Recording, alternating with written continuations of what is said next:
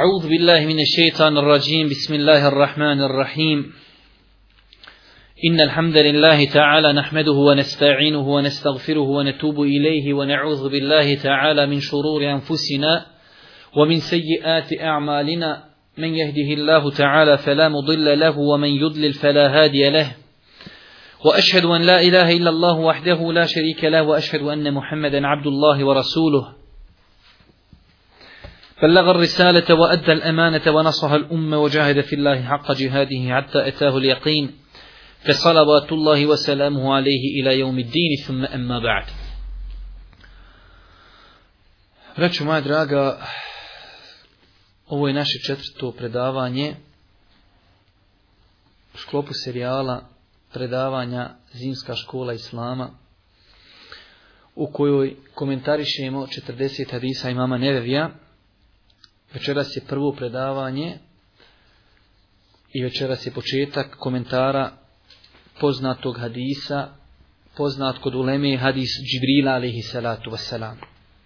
Na početku ćemo ga pročitati na arapskom, nakon toga prijevod, pa ćemo nakon toga ako Bog da nekih pola sata i možda kusur minuta spomenuti nešto o tom hadisu. Kaže, Anumara عمر رضي الله تعالى بينما نحن جلوس عند رسول الله ذات يوم إذ طلع علينا رجل شديد بياد الثياب شديد سواد الشعر لا يرى عليه أثر السفر ولا يعرفه منا أحد حتى جلس إلى النبي فأسند ركبتيه إلى ركبتيه ووضع كفيه على فخذيه وقال يا محمد أخبرني عن الإسلام قال رسول الله صلى الله عليه وسلم الإسلام أن تشهد أن لا إله إلا الله وأن محمد رسول الله وتقيم الصلاة وتؤتي الزكاة وتصوم رمضان وتحج البيت إن استطاع إليه السبيل قال صدقت فعجبنا له يسأله ويصدقه قال فأخبرني عن الإيمان قال أن تؤمن بالله وملائكته وكتبه ورسله واليوم الآخر وتؤمن بالقدر خيره وشره قال صدقت قال فأخبرني عن الإحسان قال أن تعبد الله كأنك تراه فإن لم تكن تراه فإنه يراك قال فأخبرني عن الساعة قال ما المسؤول عنها بأعلم من السائل قال فأخبرني عن إماراتها قال أن تلد الأمة ربتها وأن ترى الحفاة العراة العالة رئاء الشاء يتتاولون في البنيان ثم انطلق فلبثنا مليا ثم قال يا عمر أتدري من السائل قال الله ورسوله أعلم قال فإنه جبريل أتاكم, يعم أتاكم يعلمكم أمر دينكم Ovaj hadis koji ste čuli sada na zabilježio ima muslim od Omera radi Allahu ta'ala anhu. Kaže Omer radi Allahu ta'ala anhu jednog dana dok smo sjedili kod Allahu poslanika alihi salatu wasalam pomolio se prema nama čovjek izrazito bijele odjeće i izrazito crne kose. Pazite opisa ovoga. Interesantno kako Omer započinje ovaj hadis. Kaže, jednog dana dok smo sjedili kod poslanika, pojavio se čovjek izrazito bijele odjeće, čist, izrazito crne kosi. A na njemu se, kaže, nisu mogli vidjeti tragovi putovanja. A nikoga od nas nije znao. Pogledajte čudne stvari. Čovjek bijelog odjela, crne kose, ne primijete se na njemu znaci putovanja, a nikoga ne zna. Da je bio mu safir, bilo bi na njemu tragova putovanja. A da ga neko zna, opet ne bi bio problem, ali ne zna ga niko. Znači ukazuje da je to ipak musafir. Nikoga ne zna, ali čist, bijela, udredna odjeća i crna kosa. I kaže, nikoga od nas nije znao. Sio je pored Allahu poslanika ili pred Allahu poslanika alaihi salatu wasalam i prislonio svoja koljena uz njegova koljena. I stavio svoje ruke na njegova stegna. Stavio svoje ruke na njegova stegna. I kazao, Muhammede, obavijesti me o islamu. Kaže Allahu poslanik alihi salatu wasalam, Islam je da svjedočiš da nema drugog Boga osim Allaha i da je Muhammed Allahu poslanik. Da obavljaš namaz, da daješ zekijat, postiš Ramazan i da hađ obaviš posjećujući Kabu ako budeš u mogućnosti. Poslušajte, kaže Omer, na to će onaj nepoznati čovjek istinu, istinu si rekao. Kaže Omer, mi smo se začudili. Pita ga, a potom potvrđuje. Osnova je kad čovjek nekog nešto pita, pita zato što ne zna. Kada je Boži poslanik njemu kazao šta je islam, on kaže njemu sadakt, istinu si rekao. Prvo, bijela odjeća, crna kosa, nikoga ne zna. Postavlja pitanje i nakon što je poslanik odgovorio, on kaže, istinu si rekao. Kaže, mi začudili. Kaže, pa je nastavio i kaže, obavijesti me o imanu, o vjerovanju. Poslanik Ali Salatu Veselam odgovori, iman je da vjeruješ u Allaha, njegove meleke, njegove knjige, njegove poslanike, sudnji dan i da vjeruješ u u kader, odredbu dobra i zla. Na to taj nepoznati čovjek reše ponovo, istinu si rekao. Pa obavijesti me kaže o ihsanu. Ihsan je bukvalno prevedeno dobročinstvo. Kaže poslanik ali salatu Veselam, ihsan je da obožavaš Allaha kao da ga vidiš. Znači, to je treći stepen. Islam, pa iman, pa ihsan. Najveći stepen. Kaže, ihsan je da obožavaš Allah kao da ga vidiš. Jer ako ti, kaže, njega ne vidiš, zaista on tebe vidi. Zatim nepoznat čovjek reče, obavijesti me o sudnjem danu, kada će nastupiti? Poslanik Ali Salatu Veselam na to odgovori, upitani, znači ja, Onaj koji upita, ne zna, kaže, o tome ništa više od onoga koji ga pita. Či znači, ti i ja smo u tom pogledu, kaže, isti, ne znamo to. Kaže, obavijest o njegovim predznacima. Reče nepoznati insan. Kaže Allah poslanik ali salatu wasalam, kada robinja rodi svoju gospodaricu i kada vidiš goli i bosi, siromašni čobane, kako se nadmeću u gradnji. Zatim taj nepoznati čovjek ode nakon nekog vremena poslanik me upita, Omere, znaš li ko je bio onaj koji je pitao?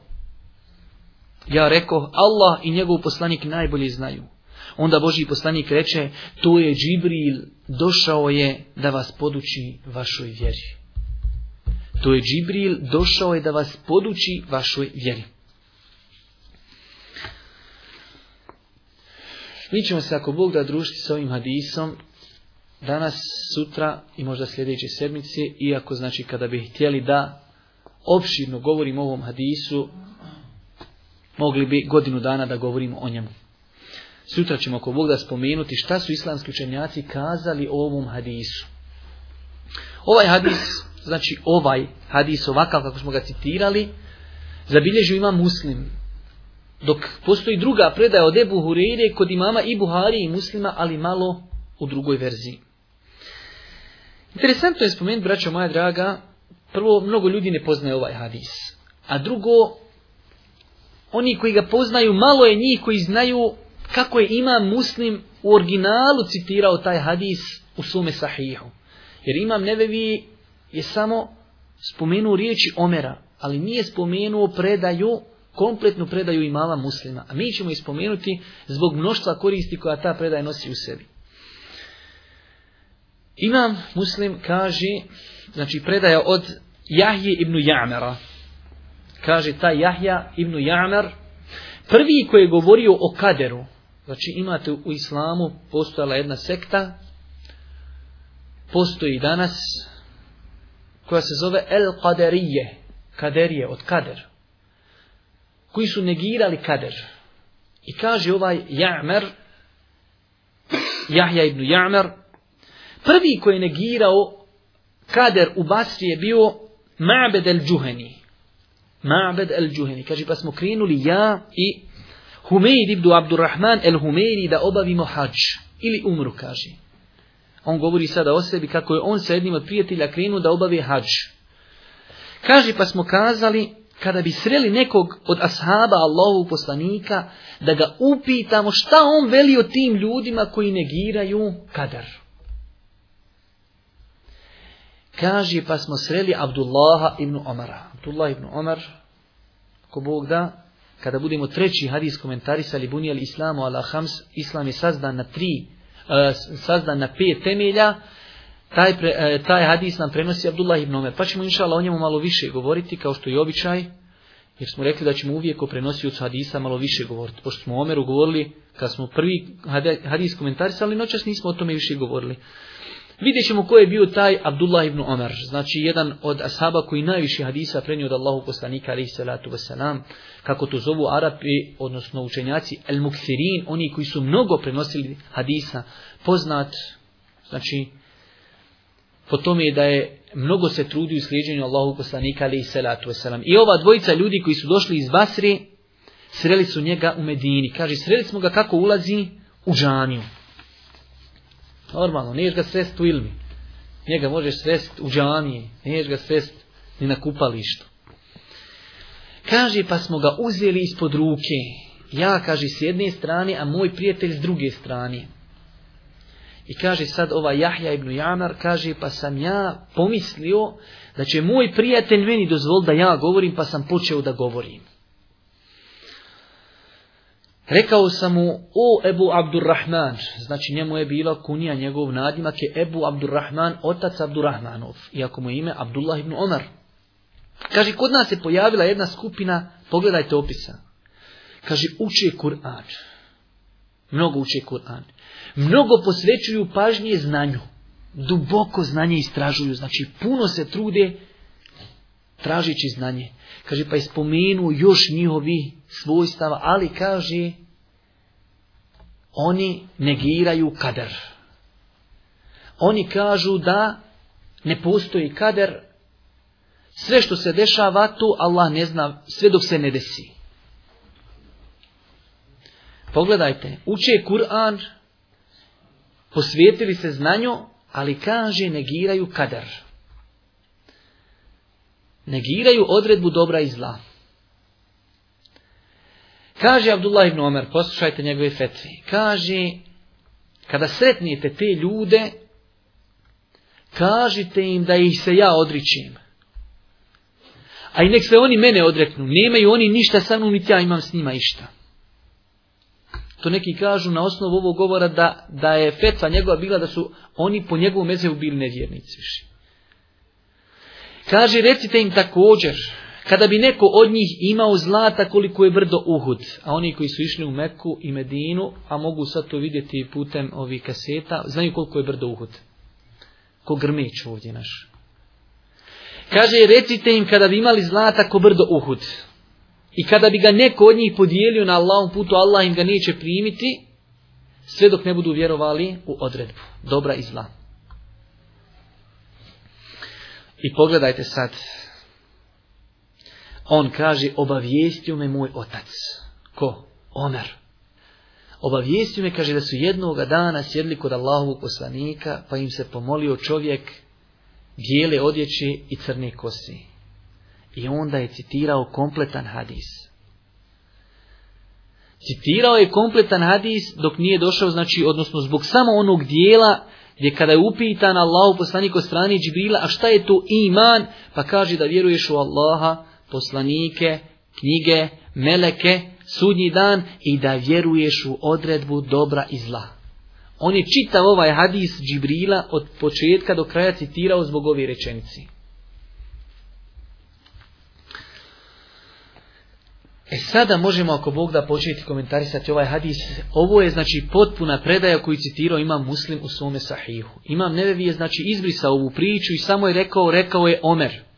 A ovo rekao je Omer, znači to su riječi njegovog sina Abdullaha ibn Omera gdje kaže rekao je moj bavo. A znači povod svemu tome je ova priča. Ovaj, braću, moja draga, hadis i ovaj događaj nosi u sebi mnoge pouke i poruke. Mi ćemo ako Bog da večeras početi pa vidit ćemo gdje ćemo završiti.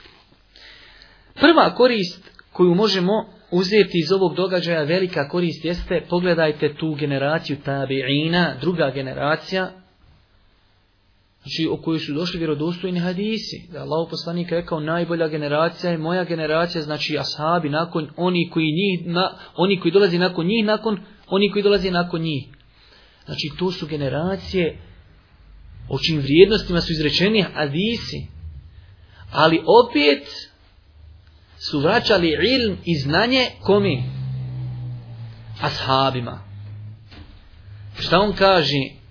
Idemo na hađi ili umru, a da nam je da sretnimo nekog od ashaba Allahog poslanika, da vidimo šta će on kazati po pitanju ove sekte koja se pojavila. Tako, vraćam, moja draga, i današnje vrijeme. Muslimani ne mogu napredovati, niti mogu očekivati prosperitet sve dok ne budu pitanja vjere vraćali učenim ljudima. Jer ako su prve generacije, odnosno i druge generacije vraćale pitanja vjere učenima, onda smo mi mnogo preći. Žalosno je, mi živimo u vremenu, htjeli mi to priznati ili ne, ali je tako da danas jedino o vjeri može pričati svako. Ni u jednoj drugoj znanosti ne može pričati svako osim o vjeri. Sada evo kada bi neko od nas pošao pričati o medicini, bi mu se svi nasmijali. Ali da počne pričati o vjeri, mi bi rekli, pusti čovjeka nek priča.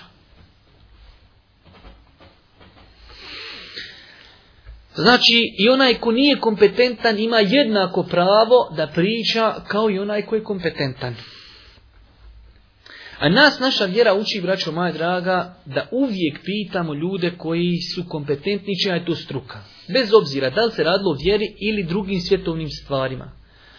Kada je u pitanju vjera, na to nas postiču mnogi argumenti. Jedan od njih je riječ uzvišenog Allaha وَمَا أَرْسَلْنَا مِنْ قَبْلِكَ إِلَّا رِجَالٍ نُوهِ إِلَيْهِمْ فَسْأَلُوا أَهْلَ ذِكْرِ كُنْتُمْ لَا تَعْلَمُونَ Kaže uzvišeni Allah mi smo i prije tebe samo ljude kao poslanike slali i objavljivali im pitajte sljedbenike knjige, pitajte učeni ako ne znate. Znači Allah, Allah Želešanu objavljuje poslanik, kaže mi smo i prije tebe slali ljude kao poslanici, nisu bili meleki prije poslanici. I prije su ljudi bili poslanici. I kaže i njima je objavljivano pitajte učeni ako ne znate. Pitajte učeni ako ne znate. Također nas naša vjera uči, ne uči nas naša vjera da onaj koji je stručan u šerijatu da mora znati auta. I čovjek odi na pijac, hoće kupiti auto i nazove daju i kaže šta veliš hoću kupiti. Greška. Imaš ti šta pita daju. On će ti vjeruj ako ti on bude govorio kako će kupiti auto, a evo vi imate vi ovdje iskustvo s vašim dajom za, za četiri godine promijenuo pet auta. Da je znao sebi izabru, kamo drugima da izaberi. Znači nije to njegova struka i nemoj njega pitat. Nas vjera uči da vje, pitanja vjere pitamo učeni u vjeri, a pitanja svjetovnog karaktera da pitamo ljude čija je to struka. I to nas je naučio, o tome je poslanik alihi salatu Veselam.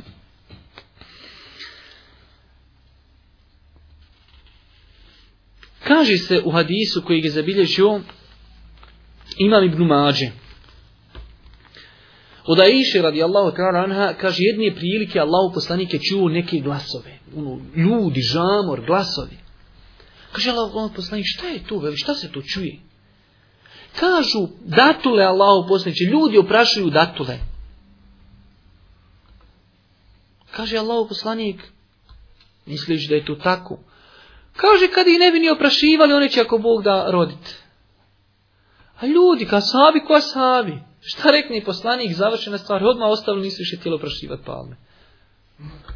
Kaže, na kraju godine nema palme, loše, skruz, nekvalitetne, slabo oprašene, sve to su honjao, što je rekao narod šugave. Ništa. Što Allah poslanik ti da mi ne oprašujemo, pogledaj sad loš, pa nema ništa.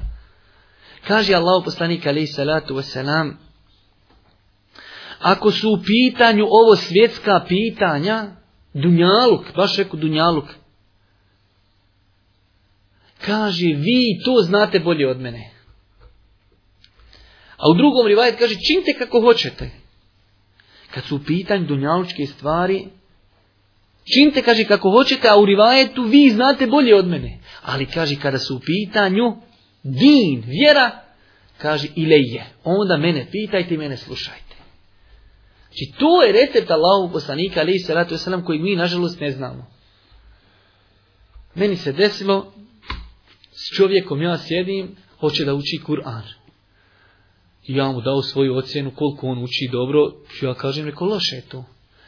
A kaže meni su drugi rekli da dobro učim. A ko ti je reko rekao, kaže, rekao mi jedan čovjek školovan. Šta je, reko njega struka, kaže, ne znam, fizika ili hemija. Ali kaže, školovan pa rekao, dragi moj brate muslimanu, ne može tako. A On tebi može tamo ako buda, kad budeš pruvete ganju i H2SO4 ili oni ostali, kiseline, tu on može pričati, ali ne može ti davati ocjenu, znaš li Kur'an. I to je problem što smo mi pobrkali pojmove koga šta pitat. Zato kažemo izuzetno opasno i svi vi znate onaj hadis je da čovjek govori o vjeri a nije kompetentan da govori o tom. I znate svi da je Allah poslanik fetvu izda tu bez šerijetskog znanja nazvao ubijstvom. Svima vama je poznat hadis kod imama Ebu Davuda da su sahabi bili u pohodu, da su bili na putovanju, pa jedan od njih imao ranu na glavi. Pa je bio džunup, trebao da se kupa, pa je pitao ljudi mogu li uzeti tejemum? Imali olakšici? Kažu, Boga mi, mi vode imamo. Kako ćeš uzeti temu kad vode ima? Ne znajući da se temu uzme u dvije situacije. Kad nemaš vode i kad imaš vode, ali se bojiš da će ti voda naštetiti. Oni kažu, mi ne smijemo ti dopustiti da ti uzmeš u smislu, mi ti ne dajemo fetu da ti uzmeš temu. Pa je se okupao pa preselio od toga. Pa kad su poslaniku kazali šta su radili, kaže Allahu poslanik doveći na njih, kateluhu, mullah, ubili su ga, ubio ih Allah. Zašto nisu pitali kad nisu znali, jer kaže lijek ne je pitanje.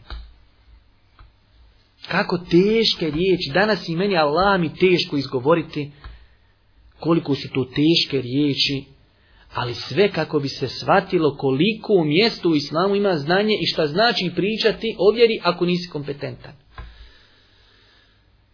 Kateluhu, katelehumullah, ubili su ga, ubio ih Allah. I ovu predaju še Albani Rahmetullah je cijenio je vjerodostojno. Također, znači to je jedna korist ove priče i ovog događaja da ovjeri trebaju pričati kompetentni, da pitanje vjeri treba vraćati učenim ljudima. Druga velika korist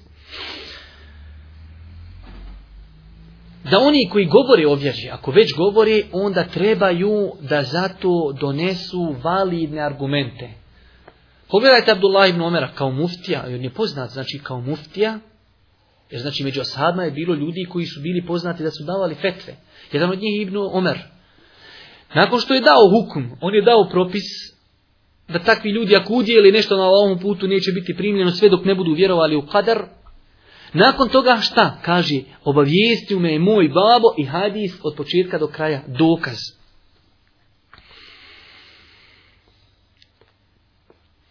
Tu je, braćo moja draga, jedna velika potreba današnjici muslimana koji živi u današnjem vremenu, da se nauči oni koji slušaju da traži dokaze, a i oni koji govore da daju dokaze. Oni koji govore da daju dokaze. A oni koji slušaju da traži dokaze, ali da traži validne dokaze. Sve kako bi ako Bog da našu vjeru sačuvali i zaštitili od onoga što ljudi misle da je lijepo. Jer najveći bela je kad ljudi počnu vjeru tumačiti na osnovu svojih rezonovanja. Pa kaže ja smatram da je to lijepo. A ja smatram da nije.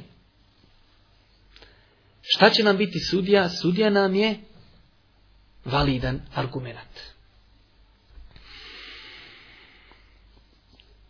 Nažalost, vi svi znate da mi živimo u vremenu kada je najjači argument postao praksa naših pradjedova. A mi mora da znamo da je praksa naših pradjedova relevantna samo onda kada nije u koliziji sa šerijatom. A kada postane u koliziji sa šerijatom, tada praksa naših pradjedova nema svoju težinu.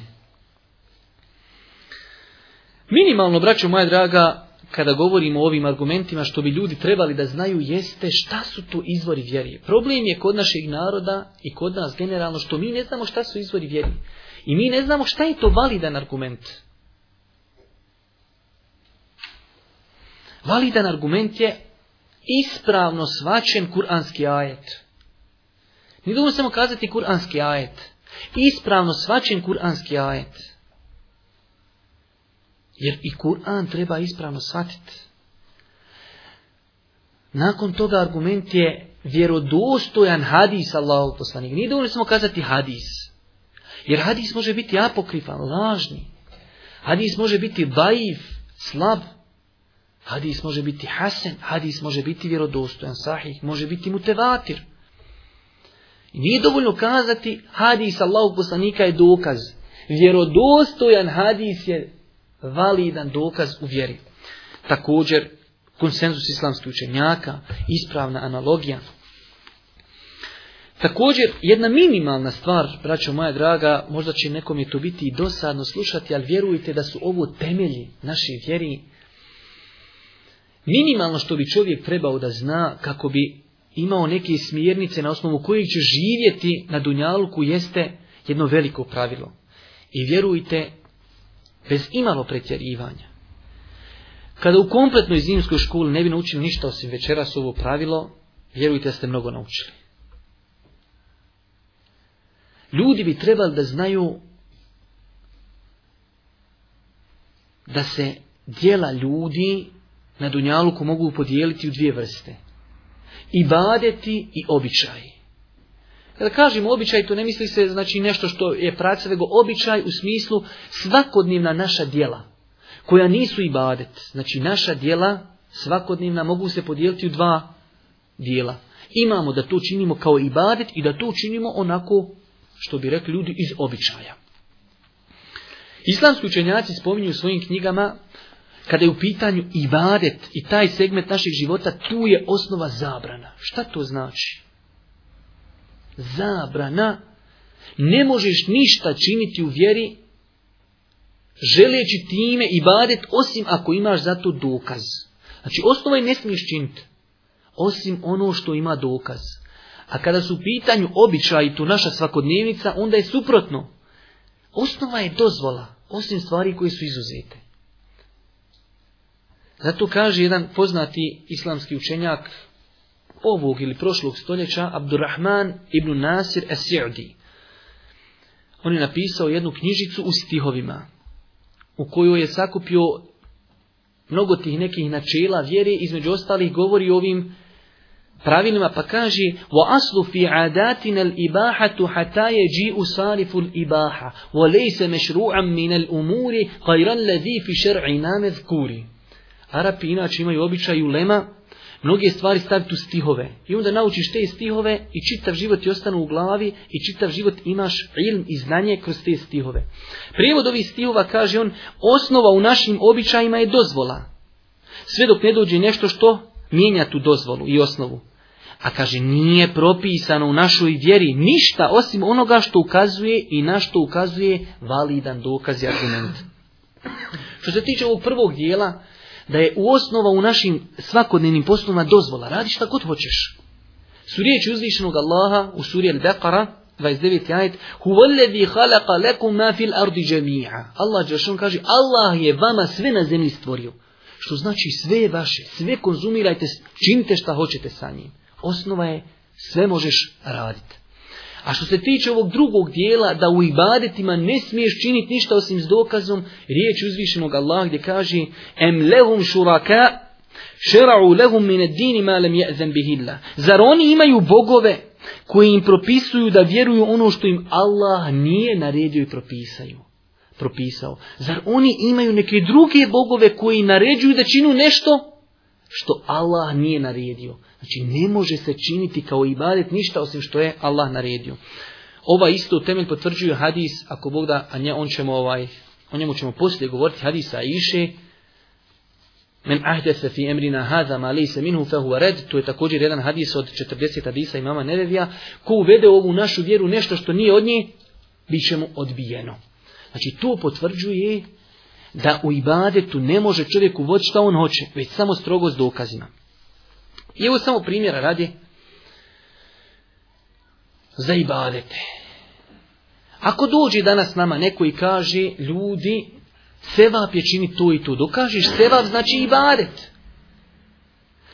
Taj čovjek mora za tu svoju tvrdnju donijeti dokaz. Čovjek kaže, sevap je posti deset dana zulhidžeta ili devet dana zulhidžeta. U redu, dobro. Kamo dokaz za to? Ako donese dokaz, mi ćemo tu i rati. Ako ne donese, Allah te nagradio. Dođe neko i kaže, sevap je otiš na Ajvatovcu. Dobro. Ima li dokaz neki? Pa išao djedo.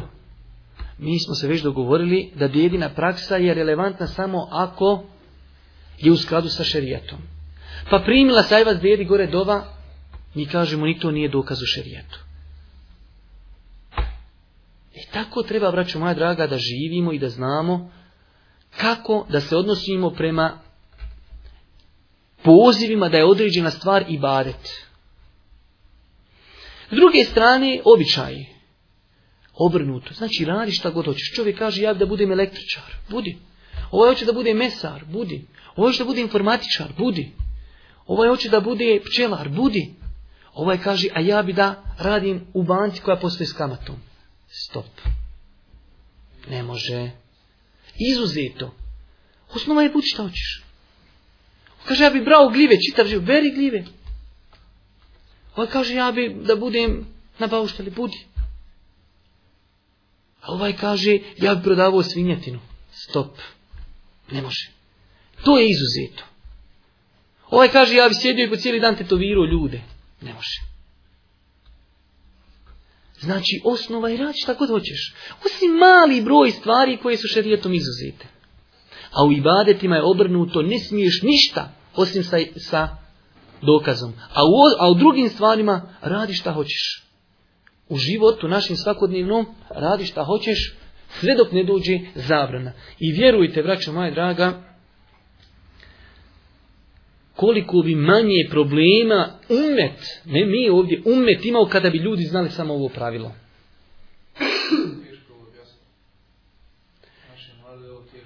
Teško objasniti zato što ljudi ne imaju temeljna načela i ne poznaju temelje vjere, ali ovo je od temelja. I znači, ovo su čovjeku smjernice. Ako ovo čovjek ispravno shvati, gotovo.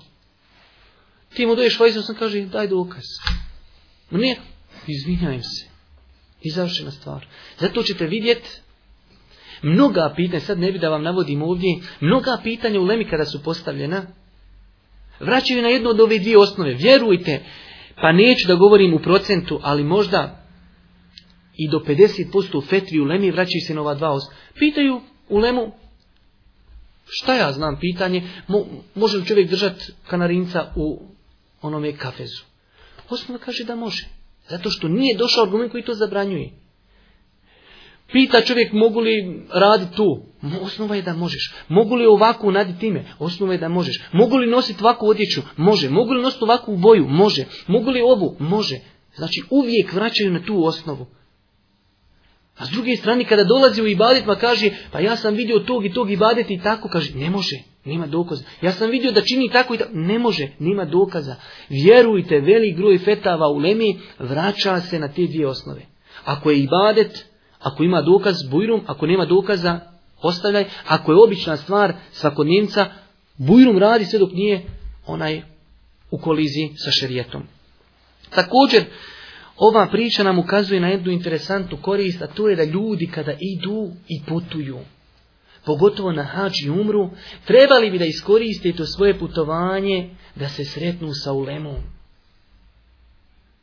Pogledajte, kaže, idemo na hađ na umru, što učeni ljudi, ljudi čije hadise prihvatio ima muslim.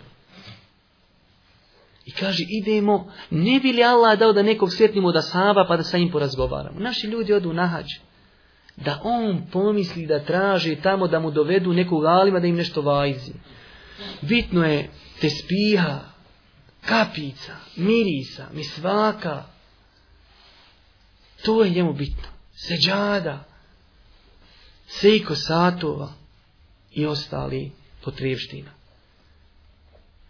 A naročito ako pridodamo na to, govorim sad konkretno za naš dio, naše podneblje, kad znamo da u našem podiblju nema učenjaka, mi se ne trebamo ljutiti da neko kaže na našem podiblju nema učenjaka. Na, ima učeni ljudi, ali nema učenjaka svjetskog kalibra. I kada odeš u Meku i Medinu, iskoristi vrijeme da sjedniš sa ulemom, učenjacima, pa mu prezentuj probleme na terenu koje imaš, da bi ti ljudi dali savjet, smjernice, konsultuj se sa njima. Znači pogledajte te prve generacije kako su koristili svoje vrijeme. Također jedna interesantna stvar vezuje se za ovaj hadis i za ovu predaju kod imama muslima. Još cijelo vrijeme smo mi u ovoj predaji imama muslima kako su ova dvojica ljudi išli na hađu.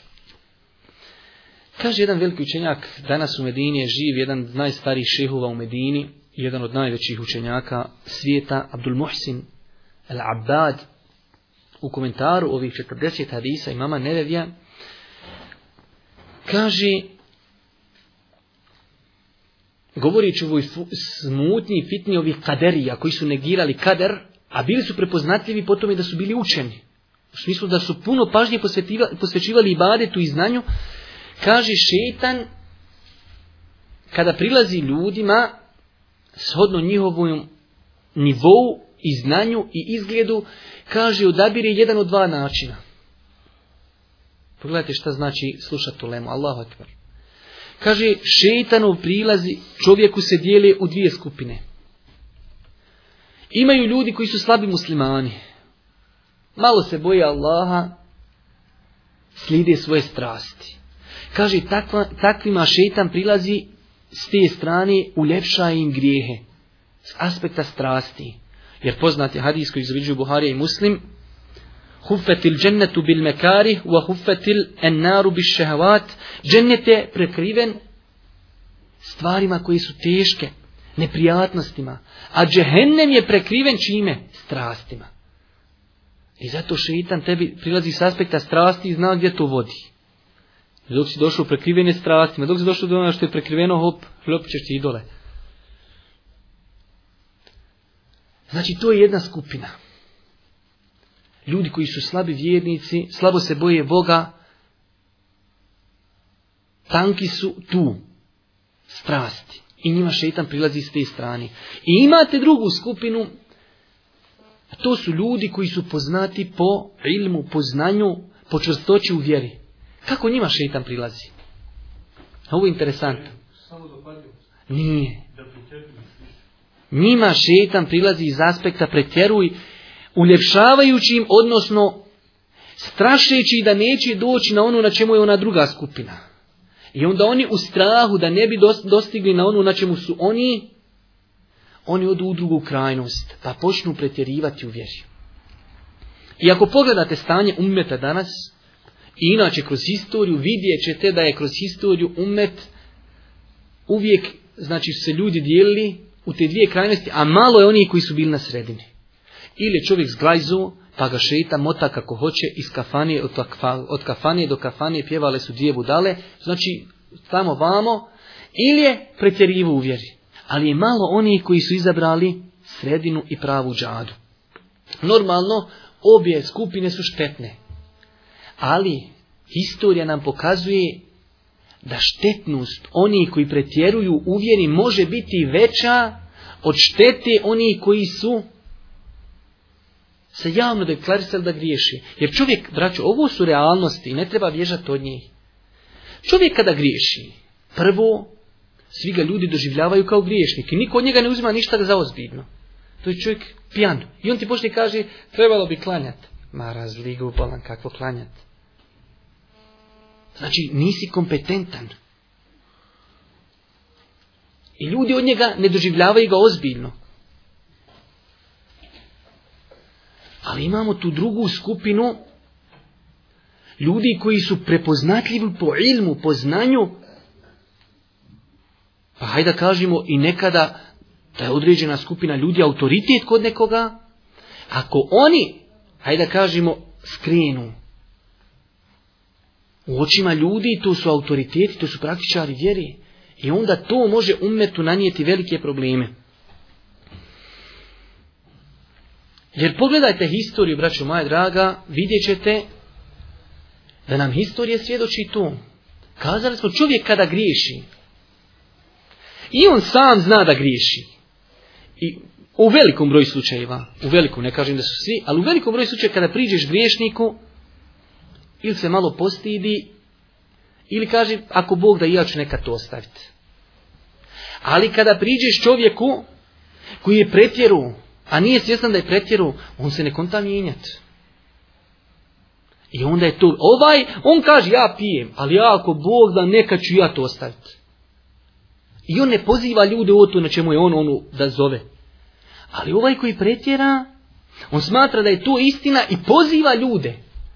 I zato ako pogledate historiju, vidjet ćete od prvog momenta kako je otišao Allahu poslanik sa zemlji, da su umetu koji je bio tada jedinstven najveće rane nanijeli ljudi koji su pretjerivali u vjeru i od tada 14 stoljeća do danas umet nije prebolio te rane i svakim danom se povećavaju. Koje najveće rane nanio umet, vraćamo radra, U početku. Hariđi. Koji je ubio Ebu ovoga Osmana i Aliju?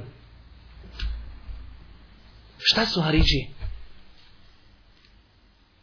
Otišli sa sredini. Pogledajte, vjerujte kad sam pripremio ovo predavanje, nisam mogao da ovu predaju ne, ne spomenim, iz kojih se može naučiti mnogo toga. Kaže, kada je zabilježi imam tirmizi sa vjerodosnim lancem prenoslaca, od Uzefe radi Allah. ta'ala. Kaže Uzefe, jedne prilike smo sjedili kod Omera. Kaže Omer, ko od vas zna hadis o fitni, iskušenjima? A poznato je, više puta smo to govorili na predavanjima, da je Huzeife, radi Allahu ta'ala, kazao, kane nas veseluna Rasulallahi anil hajr, bo kunto seluha ani šarme hafetan Ljudi su pitali poslanika o dobru, a ja sam ga pitao o zlu, bojeći se da me zlo ne zatrefi i ne pogodi. Pa kaže Omer, ko zna ljudi hadis o fitni, o iskušenju? Kaže Huzeife, znam ja. Huzefe je bio najveći stručnjak u tom segmentu kad je pitanje hadisi, iskušenja, fitne i smutnje. Kaže, hajde reci. Kaže Huzefe, iskušenja i smutnja koja zadese čovjeka u njegovoj porodici, u njegovom imetku, u njegovoj djeci, u njegovom komšiji. Može i kaže pobrisati i briše ih namaz, post, sadaka, naređivanje na dobro, odvraćanje od zla. Kaže Omer, pa ne pitam te to. Jesu ista riječ iskušenja, smitna, smutnja, fitna, da čovjek ima problema sa ženom, sa djecom, sa komšijom. Kaže, ne pitam te o tome. Kaže, pitam te o smutnji koja će dolaziti kao morski valovi. O tome te, kaže, pitam. A, kaže, o tome kaže vođo pravovjerni između tebe i te smutnje i koja će udarati kovalovi što udaraju, kaže su vrata. E gledajte ovdje Omerovog razmišljanja. Vjerujte kada bi se čitav Balkan sabro da razmišlja tim razmišljanjem, a da nismo čuli ovaj hadis, ne bi mogli razmisliti na ovaj način koji Omer. Kaže ako već imaju vrata između mene i fitni. Znači, ja sam na jednoj strani, fitna je na drugoj, vrata između. Kaže, hoće li vrata biti otvorena ili će biti slomljena? Kaže Zefe, bit će slomljena. Kaže, neće se onda zatvoriti do sudnjeg dana. Jer tek kad dođe neprijatelj, i on tamo ti i vamo, i on ti potegne vrata i otvori ih, kad tad ti njega možeš otjerati i zatvoriti vrata? Ali ako on slomi vrata, zvizne haubicu mu vrata, nema više. On ulazi i ti izlazi, Znači vrata su pukla. Kaže Omer, kad je čuo, kaže, pita u Zepu, hoće li vrata biti otvorena fitne ili će slomljena biti? Kaže, slomljena. Kaže, onda se neće zatvoriti do sudnjeg dana. Do sudnjeg dana se kao ona više zatvoriti neće. Kad se umet otvori vrata fitne i smutnje, gotovo more zapljuskuje, uvijek ulazi. Kaže prenosioc ovi predaji, Ebu Va'il u predaji Hamada kaže rekao sam Mesruku Mesruk isto prenosioc kaže ispito u Zepu kosta vrata kaj pa je pito u zepu kosta vrata kaže Omer Omer je ta vrata on je ta vrata i Omer je slonjen. Omer je ubijen i od tada su vrata smutnje otvorena i ko što je Omer rekao, neće se da zatvori do sudnjeg dana. To je sve potvrda onoga što smo rekli da ljudi koji nekada pretjeraju u određenim segmentima vjeri, da mogu nanijeti veće štete, nekada dobronamjerno, nekada zlonamjerno, islamu, veće štete nego oni koji se javno dali grijesima. Iako definitivno da neko ne pomisli da odobravamo grijehe i griješenje normalno ima svoje posljedice po vjeru, definitivno, ali govorimo šta može imati veći posljedice. Pokušat ćemo još ovu jednu ona ispomenuti korist, iako je vjerujte ja sam pripremio za noćas mnogo toga drugog, usko vezana korist za ovu korist, a to je isto učenjaci navode u komentaru ove predaje korist šta znači greška učenjaka. Razlika je da napravi grešku neko iz mase i razlika je da napravi grešku i da krene putem koji nije u redu učenjak. Jer kada neko pogriješi iz mase, njega niko ne uzima kao autoriteta i nikoga slijediti neće. Ali kada pogriješi učenjak, tada postoji velika mogućnost da ga ljudi počnu slijediti u njegovoj grešci. Ovdje ćemo mi pojasniti, ako Bog da, ukratko kako da se onda čovjek odnosi. Znači, kako da se čovjek odnosi prema greškama učenih ljudi. Jer smo kazali, sve se vraćamo na ovu skupinu, skupinu kaderija, da su oni bili učeni i da su zglajzali. Do te mjeri znači da je prenešena ta fetva od Ibnu Omara, da je on smatrao, kako neki tumači tu njegovu fetvu, da su oni nevjernici. Do te mjeri znači greška učenog može otići daleko, a dalje ljudi slijede u tome. Kako čovjek da se odnosi na stran grešaka učenih ljudi? Na početku prva stvar čovjek treba da zna da učen čovjek može pogriješiti. Jer greška je smatrati ko što ima određeni sekti, balaleta i zablude, da smatraju da imami ne mogu pogriješiti. Ne učenjak alim imam može pogriješiti. Jer u ovaj bezgriješni ljudi su prestali hoditi zemlju prije 14 vijekova. I nakon toga, nakon smrti Božih poslanika, svi potpadaju pod hadis Allahog poslanika, kullu beni Ademe svi potomci Adem alaihi salatu wasalam griješi. Normalno i logika je da će učen čovjek manje griješiti zbog znanja koje posjeduje, ali definitivno može pogriješiti. Jer sjetimo se samo prvog naših predavanja kada smo govorili o imamu Neveviju, kojeg je toliko uzvišen Allah uzdigao njega i njegove knjige i toliko znanja imao, da ćemo u komentaru muslimove zbirke Adisa danas naći neke greške u akidi, u pitanju, znači, onaj kazali smo sifata. Ali, to ne znači da treba imama Nevevija prekrižiti i ostaviti i odbaciti njegove knjige onaj zapostaviti. To je znači prva stvar da učen čovjek može pogriješiti. Ali, ako se desi znači da pogriješi učen čovjek, iako je to rijetkost, ako pogriješi učen čovjek, to ni u kom slučaju ne treba značiti da njegovu grešku treba prešutjeti i da ga treba slijediti njegovoj grešci. Ne. Koliko god da je učen, treba ukazati na njegovu grešku i ne treba ga slijediti u tom je kogod da bude. Ima mezheba, imam ovaj, muhaddis ovaj, hadisku zbirku ovu, hadisku onu imao, kogod da je, ako je pogriješio, na grešku treba ukazati i ne treba ga slijediti i ne treba, veoma bitna stvar, ne treba da čovjek dozvoli, ako osoba pogriješi napravi jednu ili dvije greške, da sva njegova dobra djela i sam njegov trud za islam zaboravi zbog te dvije greške. I to je sredina. To je zlatna sredina. Mi, nažalost, uvijek idemo iz jedne u krajnosti u drugu. Mi prvenstveno tražimo ljude bezgrešne. Mi da nam naši autoritet nikad ne pogriješi. A kad pogriješi, onda i zbog jedne greške prekrižimo i odbacimo. Znači sredina je ispravnost, a to je u čem čovjek može pogriješiti, ali ako i kad pogriješi, na grešku treba ukazat, grešku ne treba odobrit i ne treba dozvoliti da sva njegova dobra djela budu odbačena zbog njegove greške.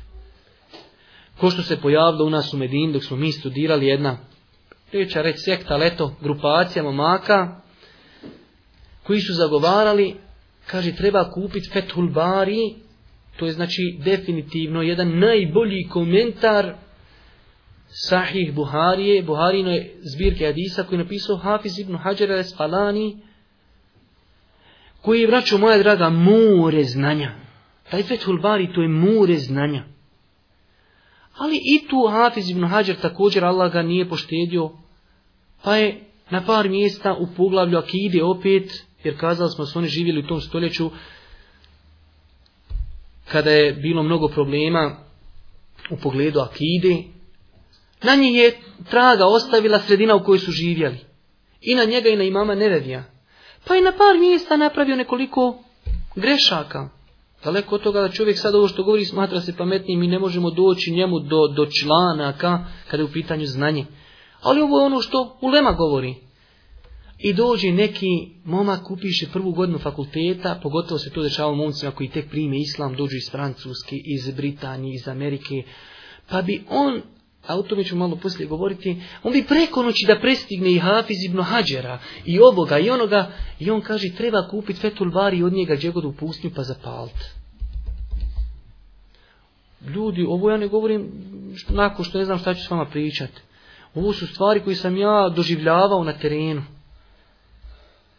E tu je ta onaj odlazak iz krajnosti u krajnost. Mi tražimo nepogrešive, a kad pogriješe, ne znamo se odnositi prema njihovim greškama. Svi mogu pogriješiti i kada pogriješi ne smijemo dozvoliti da zbog greške zaboravimo svo dobro i sav trud koji je čovjek učinio na putu rada za Allahu subhanahu wa ta'ala vjeru. I na kraju, ove tačke i time ćemo ako Bog da završiti ovo večerašnje druženje, iako vjerujte, ja nisam još ni pola izbifla ono što sam večeras kontu vama pričat, odnosno jesam, više od pola. Onaj, ljudi u pogledu grešaka u lemi i oni koji tragaju za greškama u lemi, mogu biti jedan od trojici. Znači imate ljude, i to je primjetno kako na našem terenu, a tamo u arapskom svijetu gdje ima više u Lemiji još je više takvih. Imate ljudi koji tragaju za greškama u Lemi. E osobe koji tragaju za greškama u Lemi, teško da iziđu iz ove skupine. Jedan od trojci je. Teško da bude i neki četvrti. Ili je onaj koji želi da se dokaže. A to se najčešće dešava ljudima koji su tek počeli tražiti znanje. I sad on siroma nima znanja. Ali bi onda se dokaže, da se pokaže. A nema čime da se pokaže. I onda treba da se pokaže na način što će on znati greške učenjaka. Pa mu ti kažeš Hafiz ibn Hađer, on odmah kaže, ma znaš, on je pogrešio. Kažeš ti še Šankiti, uf, on je onu fetvu dao. Še Abdul Mohsin Abad, uf, on je onu fetvu dao. Feuzan, on je tu fetvu. Še, Islam ibn on je tu pogriješio. Pa dobro, ti smo naučio sve greške, ali jesi naučio ono sve što su imali pri sebi hajra. Aj pa nisam na to, kaže Čitu. Nije to očito. Ali za svakog, vjerujte, ima ljudi tamo, svakog učenjaka u svakog. Naćete jedno pitanje gdje taj po njegovom nekom rezonu pogriješio. Kaže ših Albani, uh ših Albani. ovaj, uh ših taj. Znači da prostite komuha, Samo na neđaset. I tu je znači jedna skupina ljudi, oni koji tragaju za greškama, da bi se oni dokazali. Zato arapski, oni tamo imaju tu neku izreku, kažu halif tu'raf. Čini nešto kontra od ostali ljudi da bi bio prepoznatljiv. Znači, on ne može doći do izražaja. Ti učenjaci su Allah i uzdigu. Uzdigao šeha Albanija, šeha Usemina, šeha Bimbaza, šeha Šankitija. I sad, on ne može to dostići još. I on bi sad nekako da ispliva za tri dana i onda on traži njihove greške. To je jedna skupina ljudi. Druga skupina, imate ljudi koji tu čini s lošim namjera pokvarenjaci. Žele traga i za greškama kako sutra kada neko upitan bude učenjaku, kako bi spomenuli tu grešku, kako bi ljude odvojili od ulemi. Koga kod mu spomeniš, kaže, pa on je dao tu fetvu, on je dao tu fetvu, on je dao tu fetvu. Kako bi ljude odvojio od ulemi. I treća skupina ljudi koji tragaju za greškom u Leme jesu novotari. Novotar traga za greškom. Zašto on traga? Oni su najinteresantniji. Oni tragaju za greškama u Leme kako bi greškama u Leme argumentovali svoje postupke. Ti kaže, što ti radiš? Pa kaže, rekao je taj šej. Pa čekaj, pa je šej? Pa drugi su svi rekli da je on pogriješio. Šej je rekao kao kada je ono bilo aktuelno, ne znam ko to od vas je pratio, ko nije pratio, Imam Ibn Hazm, rahmetullahi alihi, to je veliki učenjak, utemeljitelj bukvalističke pravne škole, on kao muštehid, iako nije njegova najjača strana, i Šeha Albani za njega, ovaj, kada govori o njemu, ne kaže da je uopšte mu hadis, da je znači hadijski ekspert, on je u svom ištihadu smatrao da je dozvoljeno slušati muziku. Ibn Hazm. I imate znači hadis u Buhari, onaj kojeg imam Buharija bilježi, svi vi ste čuli za taj hadis, doći će u mom umetu ljudi koji će smatrati svilu, blud, prostituciju i muzički instrumente halal. smatraći halal. I taj je hadis jedan od najjačih argumenata da muzika nije dozvoljena. Jer kaže, doći će ljudi koji će muziku smatrati halalom. Šta to znači? To znači da je muzika u osnovi halal. Pa onda ne bi oni bili nikakvi čudni. Ako smatraš nešto što je halal, halal, ti si onda u redu. Već ako smatraš nešto što je haram, halalom, e ti si onda, onda spomenut u hadisu. Nije pojenta našeg govora muzika, već... I sad imate ljudi koji znaju kada upitaš muziku, kaže pa Ibn Hazm je rekao da može. Ali ti ljudi ne znaju ili neće da znaju da prva stvar Šeha Albani u svojoj knjizi navodi, kaže ako Ibn Hazm, iako nije njegova struka bila hadijska struka, da je bio muhatif, navodi oko 15 veliki hadijski učenjaka koji su rekli za taj hadijs da je vjerodostojan. Zar je, kaže, moguće da 15 veliki hadijski eksperata na čelu čim je Buharija reknu hadis sahih, i svi, to je njihova struka, hadijski eksperti, i dođe Ibn Hazm, čija struka nije u osnovi hadis. I kaže hadis da i onda ti kažeš, a ovo sve povezujemo sa novotarima. Znači, on traži greške u Leme da bi opravdao svoj stav. Njega ne brivi ovi petni što su rekli sahih hadis. A s druge strane, neće da spomeni da u to vrijeme kada Ibnu Hazm to napisao i nakon toga su došli veliki učenjaci, najveći učenjaci tog vremena i njemu su napisali odgovor na to što je on... Ali to niko ne spominje. Samo kaže Ibnu Hazm je rekao da može. Neće ti kaže ima 15 ljudi hadijski učenjaka koji smatraju taj hadis vjerodostojnim. Pa ima učenjaka Ibnu Tejmije, Ibnu Salah i veliki učenjaci koji su njemu napisali odgovore na to. A to niko ne spominje. Samo je dovoljno kazati Ibnu Hazmi smatra dozvoljenim. I ja slušam muziku. Znači da bi samo podkrijepio svoju strast i svoj stav. Molimo Allah Đelešanu da ono što smo čuli bude dokazom za nas, a ne protiv nas. Molimo ga subhanahu wa ta'ala da nam bude milosti na sudnjem danu. Molimo ga subhanahu wa ta'ala da nas učesti u ovim teškim vremenima, da nas poduči propisima vjeri i na kraju subhanahu Allahume ve bihamdike šalala ilaha illa ente